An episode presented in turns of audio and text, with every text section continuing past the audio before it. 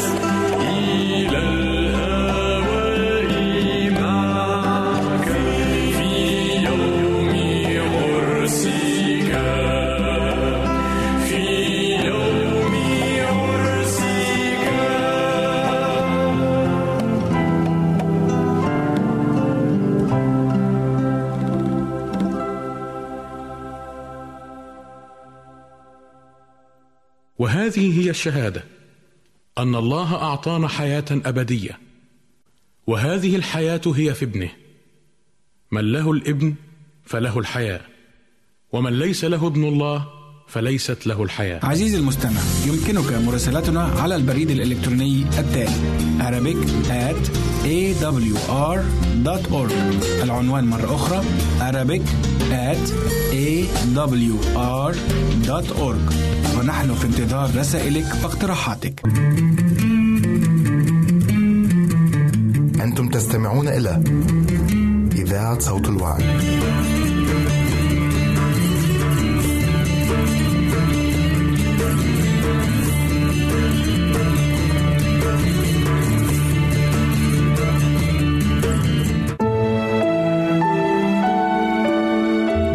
تم ثمانية أيام ليختن الطفل سمي يسوع كما كان قد سمي بلسان الملاك قبل أن يحبل به في البطن. ثم لما تمت الأيام لتطهيرها حسب شريعة موسى صعدا به إلى أورشليم ليقدماه إلى الرب. كما كتب في شريعة الرب كل بكر من الذكور يدعى قدسا للرب. وليقدما ذبيحة كما يوصى في شريعة الرب زوجي يمام أو فرخي حمام. وكان في أورشليم رجل اسمه سمعان هو رجل بار تقي وكان الروح القدس عليه. وكان الروح القدس قد أوحى إليه أنه لا يرى الموت قبل أن يرى مسيح الرب. وقد جاء إلى الهيكل بدافع من الروح فلما أحضر الأبوان الطفل يسوع ليقدما عنه ما سن في الشريعة حمله على ذراعيه وبارك الله وقال أيها السيد الآن تطلق عبدك بسلام حسب وعدك فإن عيني قد أبصرتا خلاصك. الذي هيأته لتقدمه إلى الشعوب كلها. نور هداية للأمم. وكانت هناك نبية وهي متقدمة في السن. لم تكن تفارق الهيكل وكانت تتعبد ليلا ونهارا بالصوم والدعاء. فإذ حضرت في تلك الساعة أخذت تسبح الرب وتتحدث عن يسوع مع جميع الذين كانوا ينتظرون فداء في أورشليم. وبعد إتمام كل ما تقتضيه شريعة الرب رجعوا إلى مدينتهم الناصرة بالجليل وكان الطفل ينمو ويتقوى ممتلئا حكمة وكانت نعمة الله عليه.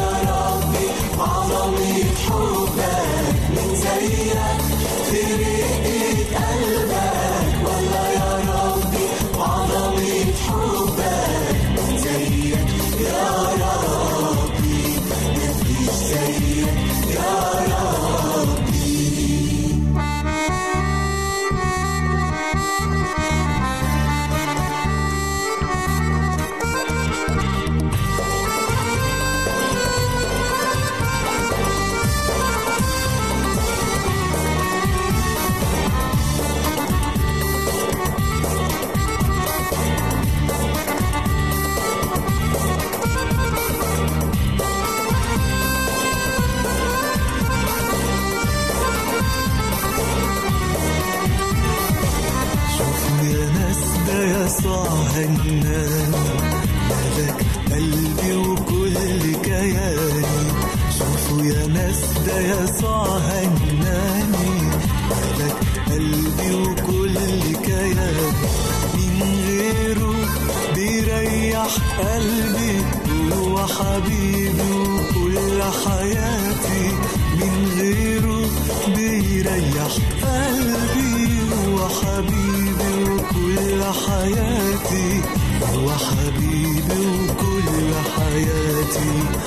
حبيبي ده كل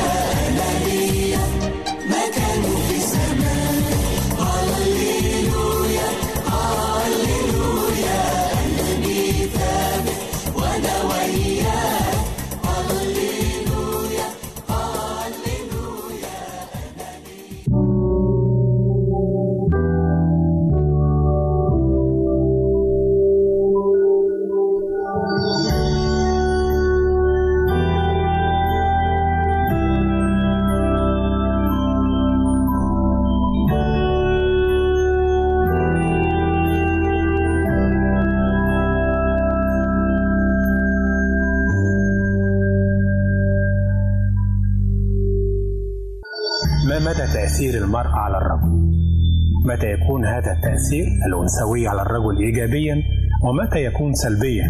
ماذا تصنع المرأة أو الزوجة عندما يضعها زوجها الأحمق في مواقف خطرة؟ كيف تتعامل المرأة الزوجة مع الرجل صاحب السلطة باستخدام جمالها وفتنتها أم بعقلها وذكائها وحكمتها؟ أم أن الجمال أيضا تأثيرا كبيرا على الرجل وتهذيبه؟ وما هي نتائج استخدام المرأة لذكائها وحكمتها مع الرجل؟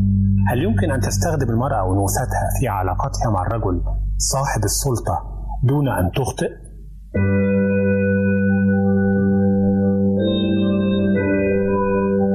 لقاء الأنوثة المثالية مع الرجولة والفروسية. شخصية اليوم وما تمثله من علاقة بالأنوثة أو علاقة الأنوثة بالرجولة هي المرأة أبيجايل. الواردة قصتها في صموئيل الأول 25 خاصة في اللقاء الفريد. اللي جمعها بداود لقاء الأنوثة المثالية مع الرجولة والفروسية ممثلة في داود. ولكن كيف تناول الفن الغربي علاقة أبيجايل وداود ونابال؟ قصة من الحكايات الرومانسية. هي قصة تشبه الحكايات الرومانسية في الأدب. جمعت بين ثلاثة أطراف في المثلث الشهير الزوجين والطرف الثالث. الرجل الآخر أو المرأة الأخرى. يحدثنا الكتاب المقدس عن ذلك اللقاء التاريخي بين أبيجايل زوجة نابال مع داود المحارب المطارد. ذلك اللقاء عبرت عنه لوحات كثيرة رسمها الفنانون العالميون. من هذه اللوحات لوحة روبنز الشهيرة عن لقاء أبيجايل وداود رسمها عام 1630 وركز فيها على فكرة المصالحة والسلام والصفح اللي حققتها أبيجايل من خلال إبرازه لفريقين متقابلين في اللوحة وكأنهما على وشك القتال. كما ركز روبنز بشكل ملفت على نظرة أبيجايل ووضعية جسدها المتواضعة أمام داود وتقديم هداياها التي تشع في اللوحة بالعطاء والجمال.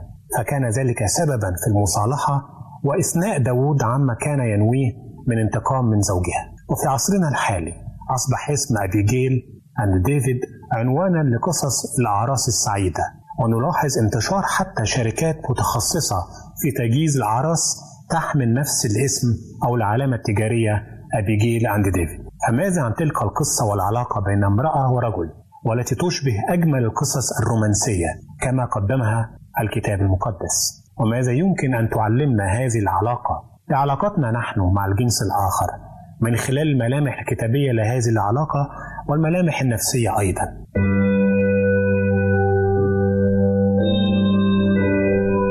الجميلة والوحش والفارس أبيجايل ونابال وداود كيف تناول الكتاب المقدس شخصية أبيجايل روحيا؟ مثلث الزوج والزوجة والطرف الثالث. قصة مثيرة لكنها قصة علاقة انتهت بشكل يمجد الله وليست بالخيانة. لأن هذه المرأة لم تدخل في علاقة خيانة عاطفية أو جنسية. مثل أخريات كثيرات تضغط عليهن ظروف زواج قاسية. بل كانت أبيجايل امرأة مثالا رائعا ونموذجا يحتذى به من المرأة الجميلة الواقعة في صراع بين الفارس والوحش بل كانت هي مركز الأحداث ومحركتها في القصة. قصة أبيجايل وداود وبينهما نابال في صمويل الأول 25 كان داود مطاردا من الملك شاول هو ورجاله 600 كان داود يقدم مساعدة دائمة لرعاة نابال ويحميهم أيضا. احتاج داود للطعام ليقدمه لرجاله فأرسل رسلا لنابال لطلب المساعدة. نابال رفض بغلاظة قلب طلب داود بل وصفه بالمرتزق الغازي هو ومن معه كان رد فعل داود الغضب الشديد والقسم بأن يستولي على كل ممتلكات نابال ويقتله. عندما علمت أبيجايل زوجة نابال بالأمر من أحد الخدام عن وقاحة زوجها أخذت المبادرة دون علم عن زوجها وتصرفت بحكمة وكأنها تقوم بدور صانع السلام. لتحل المشاكل التي كان يسببها زوج أحمق وحشي حاد الطباع ناكر الجميل عديم الكرم بل بخيل مثل نابال فقد أدركت خطورة الأمر. أخذت أبيجايل كمية مناسبة من الطعام والشراب وركبت على حمار وقابلت داود ورجاله عند سترة أو منتصف الجبل. دخلت أبيجايل في حوار فريد مع داود من الحكمة والرقي والإيمان. كي تثنيه عن اندفاعه وغضبه ورغبته في الانتقام من زوجها نابال بعد أن سقطت على وجهها عند قدميه كأنها أقل شأنا منه مع أنها زوجة رجل غني وتعتبر سيدة أعمال. عدل داود عن موقفه بالانتقام بعد أن هدأت أبيجايل من حدة غضبه ومشاعره الثائرة ونجحت في السيطرة على الموقف. فقال لها مبارك عقلك ومباركة أنت لأنك منعتني اليوم من إتيان الدماء وانتقام يدي لنفسي. أثرت أبيجايل قلب داود بجمالها وحكمتها معا واعترف صراحة أنه كان مخطئا في الاستسلام لانفعالاته شاركت أبيجايل زوجها ما حدث بعد السيطرة على الموقف فكان رد فعله غامضا وغير معروف. فأودى بحياته بعد أن ظل مريضا عشرة أيام بضربة إلهية. تقدم داود بعد وفاة نابال كي يطلب يد أبيجايل عبر رسله فوافقت وضمها إليه زوجة حسناء حكيمة مساندة له. والآن كيف نفهم مزيد عن شخصية أبيجايل وعن علاقتها مع كل من زوجها نابال ثم داود من خلال الثقافة السائدة آنذاك؟ كيف نفهم شخصية أبيجايل وعلاقتها مع الرجال داود نابال من الثقافة آنذاك؟ واحد واجب الضيافة. كان يقتضي آنذاك من نابال إطعام المسافرين مهما كان عددهم. ومع ذلك رفض بجفاء وفظاظة تقديم واجب الضيافة لهم وإطعام رجال داود الستمائة. اثنين الغنى. كان نابال غنيا جدا بالتالي في إمكانه إجابة طلب داود بسهولة.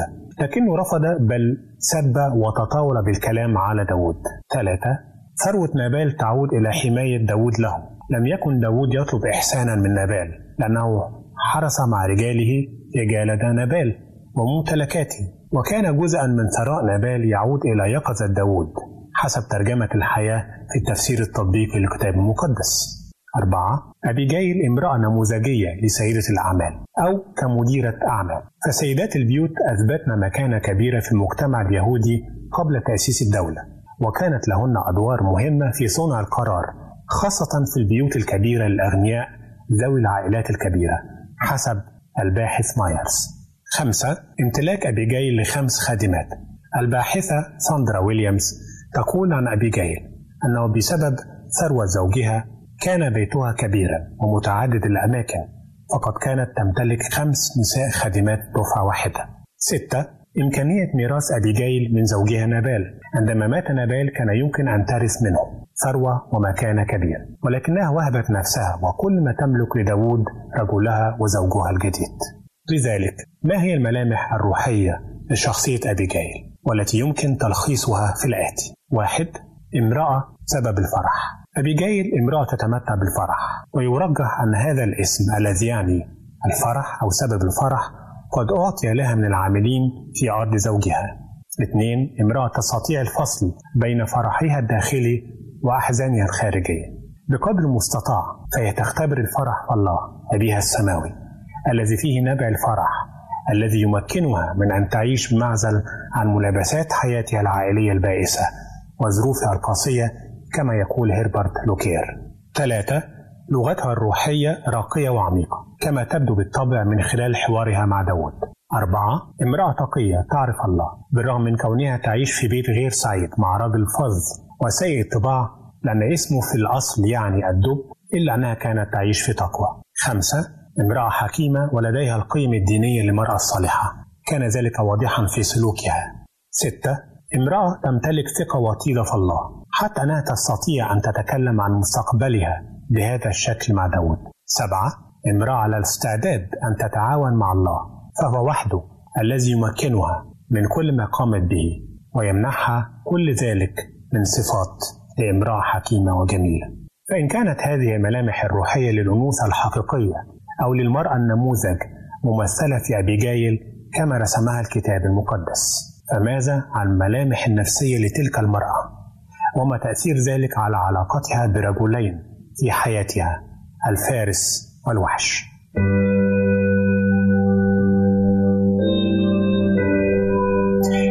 نتعرف على شخصية أبيجايل من علم النفس الشخصية؟ من نفس الملامح الروحية الكتابية للمرأة أبيجايل هناك أيضا ملامح نفسية لها فماذا عنها؟ واحد امرأة تجمع الفتنة والحكمة معا في شخصيتها الذكاء والجمال وذكاؤها يؤكد ويزيد من جاذبيتها الجسدية اثنين امرأة ذكية جيدة الفهم حكيمة كما يصفها الكتاب المقدس وكانت المرأة جيدة الفهم.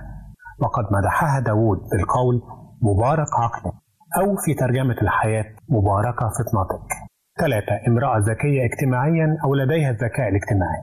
فهي ألف. فكرت في فكرة الهدية لداود وهي تعلم مدى تأثير الهدايا على العلاقات الإنسانية.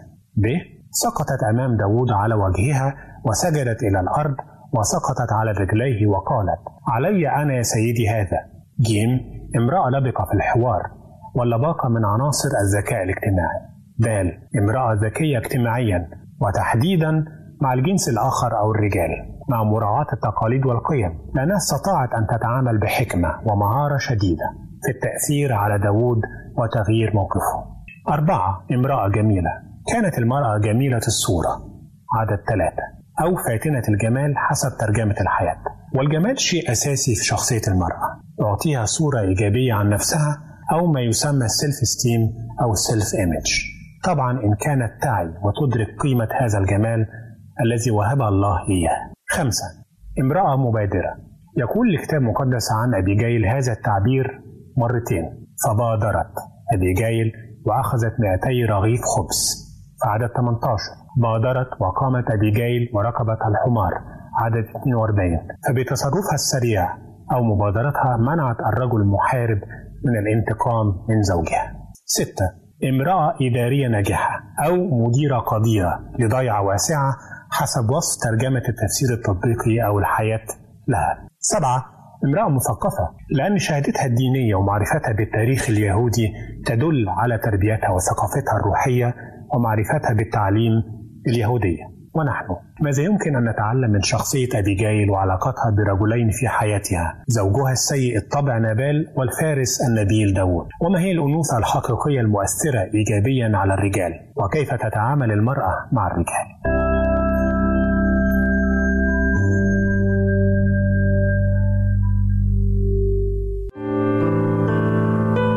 عزيزي المستمع يمكنك مراسلتنا على عنواننا الإلكتروني. Arabic at awr.org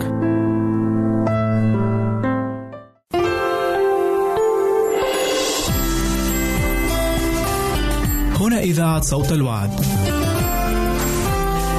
لكي يكون الوعد من نصيبك.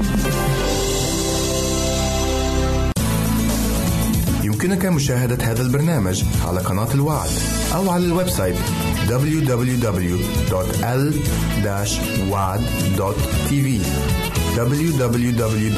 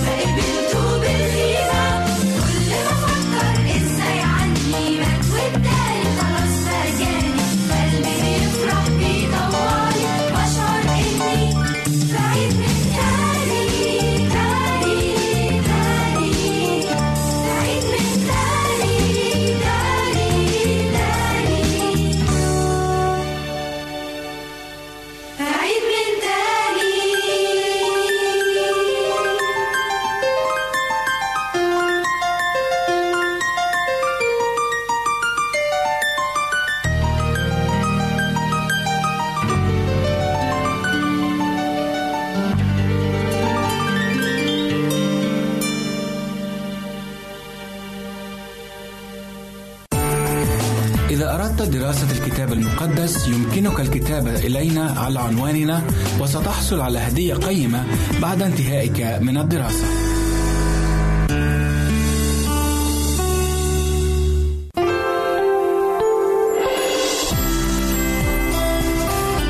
هنا إذاعة صوت الوعد.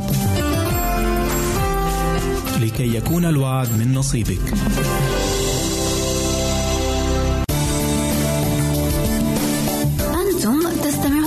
إذاعة صوت الوعد.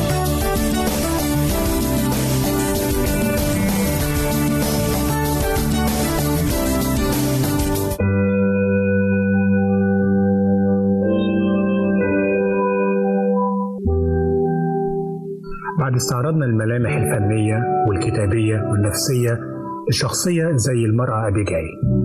إزاي نتعلم عمليا من هذه الشخصية؟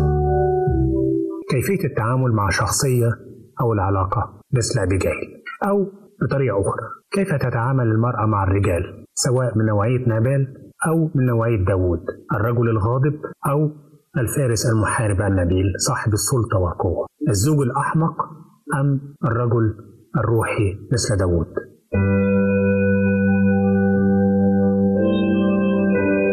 أولا روحيا واحد طلب الحكمة من الله. تدخل أبيجايل لإنقاذ الموقف وإصلاح ما أفسده زوجها. يعلمنا أن المرأة عندما تكون لديها حكمة تستطيع أن تمنحها للآخرين فتنقذ بيتها وما وراءه. اثنين الثقة بالله. أبيجايل تمثل نوعية من النساء بيطلق عليهم لقب شهيدات على قيد الحياة لأن الواحدة منهم بتعاني من أوجاع في القلب ومعاناة في النفس عندما ترتبط بشخص غير مؤمن أو حتى مؤمن لكن شخصيته غير ناضجة. لكن بالثقة في الله الذي يستطيع أن يغير معادلة حياتها الروحية بالكامل والزوجية يمكن أن تستمر مثل هذه الزوجات الكثيرات في عصرنا الحالي رغم الصراع مع زوجها الداخلي والخارجي. ثلاثة الاتكال على نعمة الله من أجل التوازن النفسي. ربما تظن المرأة أنها سوف تستطيع أن تغير من عيوب زوجها لكن الواقع يقول أنه لا أحد يستطيع تغيير أحد أو الطرف الآخر إلا إذا أراد ذلك الطرف الآخر أن يتغير وأن يتجاوب مع تغيير الله له. فتبقى علاقة المرأة برجلها وتستمر. هنا فقط تستمر بالاتكال على نعمة الله وتحمل التجربة وبسبب الإيمان في كفاية الله تظل هذه المرأة محتفظة بتوازنها وتماسكها. ثانيا نفسيا واحد فهم المرأة لنوعية القوة التي تحتاجها في مواجهة الرجال. توضح علاقة أبيجايل مع داوود الفرق بين نوعية القوة لدى المرأة والقوة لدى الرجل. فعندما يشعر الرجل بالجرح تحديدا جرح كبريائه تتولد لديه ردود أفعال عنيفة وتسيطر عليه رغبة الانتقام وقد يقدم على ردود أفعال مبالغ فيها لذلك أن غضب داود هنا كرد فعل لإساءة نابال هو أمر مفهوم لكن رغبته في الانتقام بالشكل الذي تحدث عنه كان مبالغ فيه جدا. وبالتالي على المرأة أن تستخدم قوة أخرى لديها والقوة لدى المرأة مثل أبيجايل كانت في ذكائها جمالها حكمتها وعمقها الروحي. وهي هنا بتقف على قدم مساواة بل تفوق الرجل هنا أو داود القوة لدى المرأة أو أبيجايل كانت تكمن فيما تملكه هذه المرأة طبيعيا وكل امرأة من قدرة على التأثير في الرجل فاستطاعت تهدئته وإرجاعه عن انتقامه اثنين فهم المرأة نوعية الرجل الذي تتعامل معه. الرجل هنا في حياة أبيجايل نوعان في علاقات شخصية مع أبيجايل زوجها أو علاقات روحية كانت مع داود كان الرجل الأول الفارس النبيل داود والرجل الثاني الشخص الأناني أو الوحش نابال الرجل الأول اللي بيمثله داود وهو نوعية موجودة في حياتنا قد يستجيب للمرأة الذكية الجميلة صاحبة المنطق القوي إن كان رجلا بمثل رفعة ونبل داود فهو كان فارس صاحب قضية وليس مرتزقا أو متعطشا للدماء. فاستمع إلى أبيجايل ولغى انتقامه من زوجها وكمان قدر تقدير عالي جدا لهذه المرأة. وهو يعكس هنا اتجاه الرجل الكتابي أو الرجل حسب فكر الكتاب المقدس. اللي هو حسب قلب الله أو الرجل الروحي. الرجل الثاني وهو الذي يمثله نابال ونوعيته موجودة في حياتنا وحولنا لم يستمع إليها ولا يستمع إلى المرأة وبالتالي كان رد فعله لما عرف أنها دخلت وحلت المشكلة الحزن الشديد أو الخوف أو عدم التسامح. ونابال لما خاف أو دخل في هذه الموجة من الغضب المكبوت يقال أنه أصيب بأزمة قلبية حسب بعض الدراسات ومات بعد عشرة أيام جاءته بالتالي جات له ضربة إلهية. هذا الرجل لا يقبل أن امرأة تحديدا بين قوسين امرأة تصلح مشاكله مثل بعض أنواع الرجال حاليا.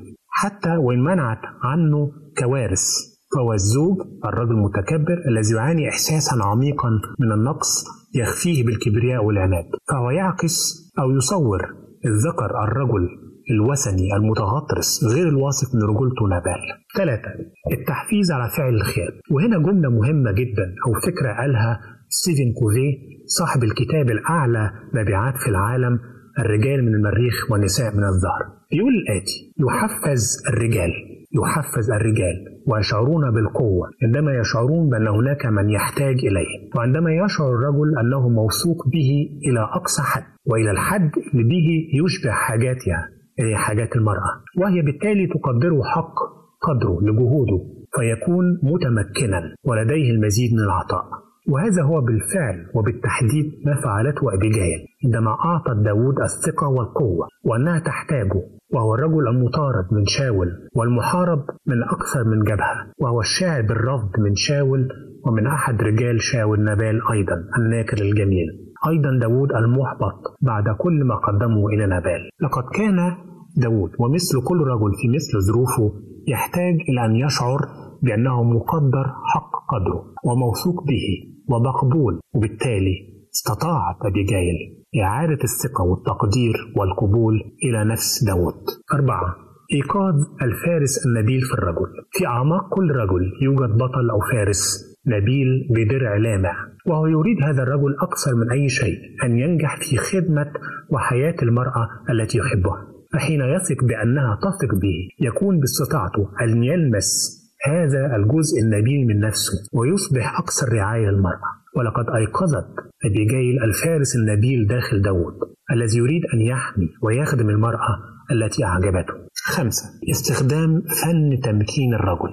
الرجال أيضا يحتاجون إلى التمكين وليس النساء أيضا أو يحتاجون إلى الدعم النفسي. وهذا ما يؤكده مرة أخرى جون جراي في كتابه الرجال من المريخ والنساء من الزهر. وسر تمكين الرجل خاصة الرجل الوحشي أو الأناني الأحمق على عينة أو من عينة نبال هو ألا تحاول المرأة بأي حال من الأحوال أن تغيره أو تحسن من شخصيته بشكل مباشر إلا إذا هو طلب النصح بصورة مباشرة ومحددة.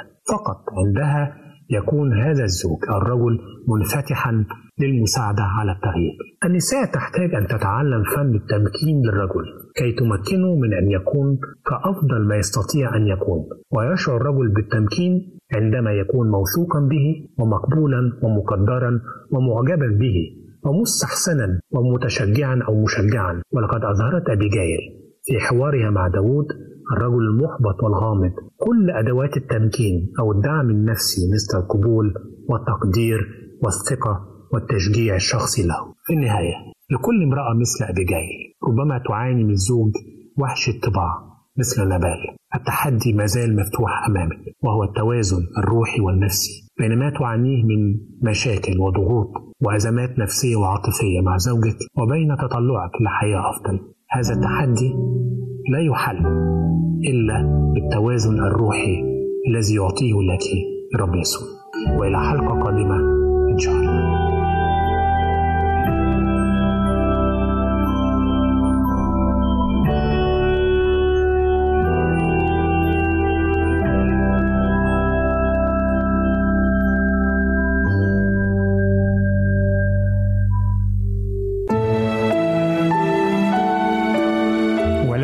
ثمانية أيام ليختن الطفل سمي يسوع كما كان قد سمي بلسان الملاك قبل أن يحبل به في البطن. ثم لما تمت الأيام لتطهيرها حسب شريعة موسى صعدا به إلى أورشليم ليقدماه إلى الرب. كما كتب في شريعة الرب كل بكر من الذكور يدعى قدسا للرب.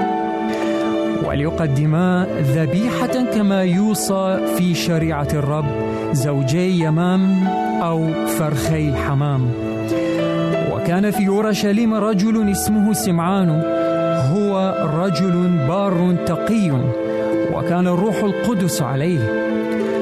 وكان الروح القدس قد أوحى إليه أنه لا يرى الموت قبل أن يرى مسيح الرب.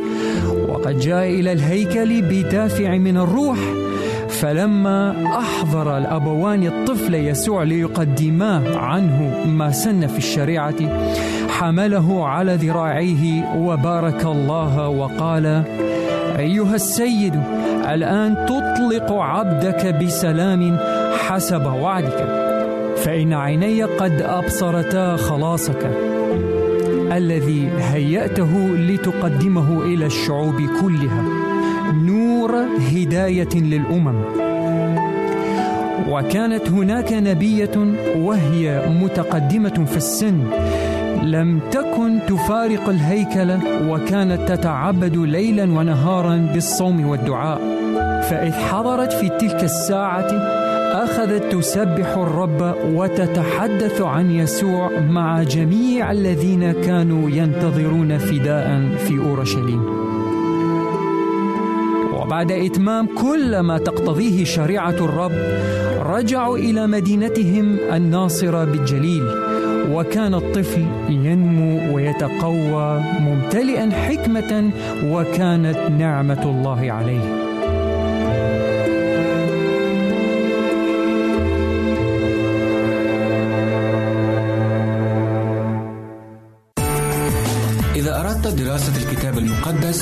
يمكنك الكتابة إلينا على عنواننا وستحصل على هدية قيمة بعد انتهائك من الدراسة.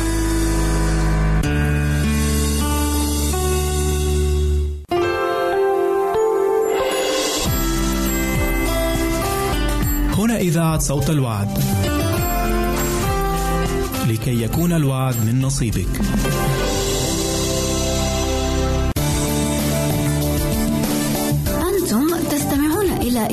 صوت الوعد.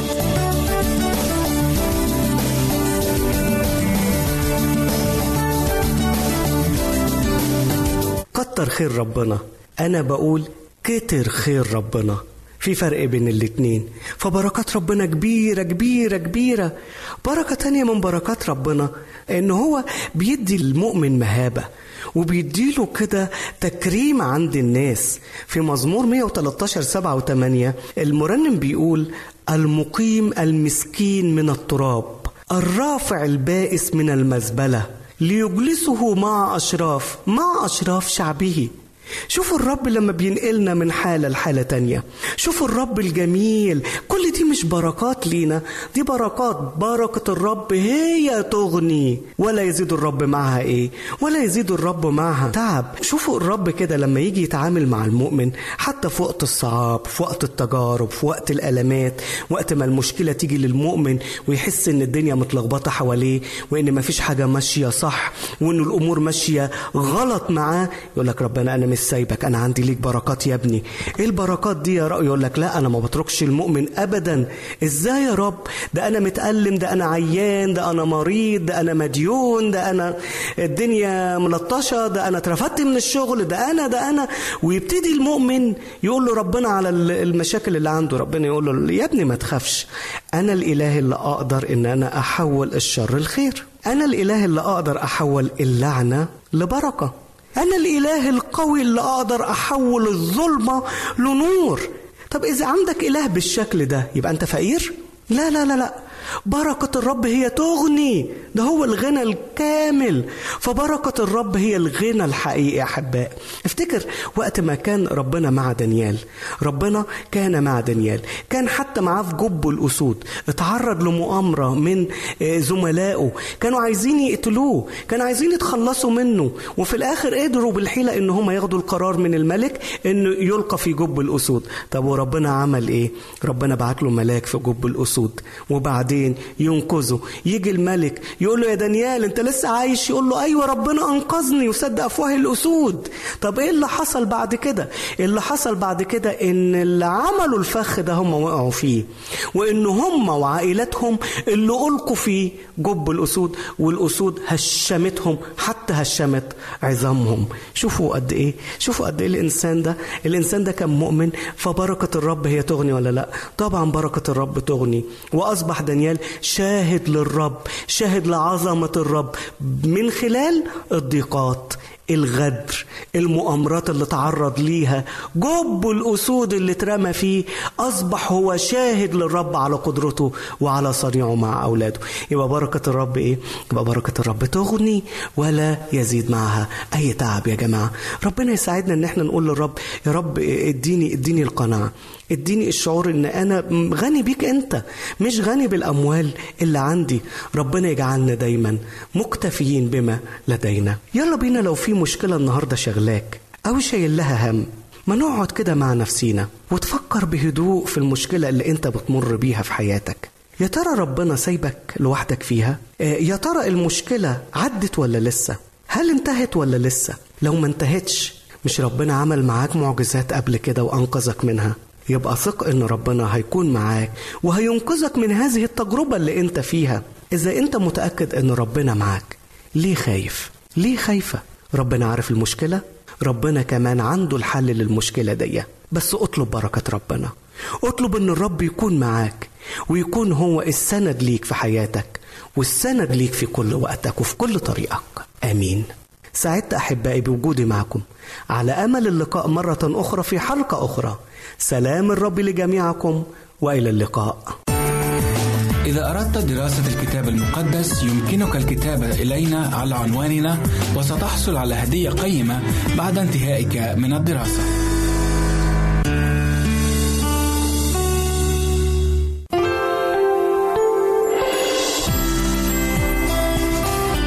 هنا إذاعة صوت الوعد. لكي يكون الوعد من نصيبك.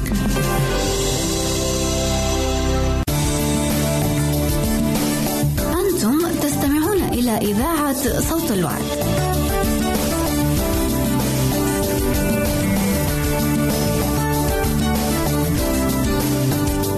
أنا كنبش المهرج. أضحك اللي بيتفرج. أصحصح النعسان وأشجع الغلبان. وجيت لكم أهو في العيد بلبس الفوسفوريكو الجديد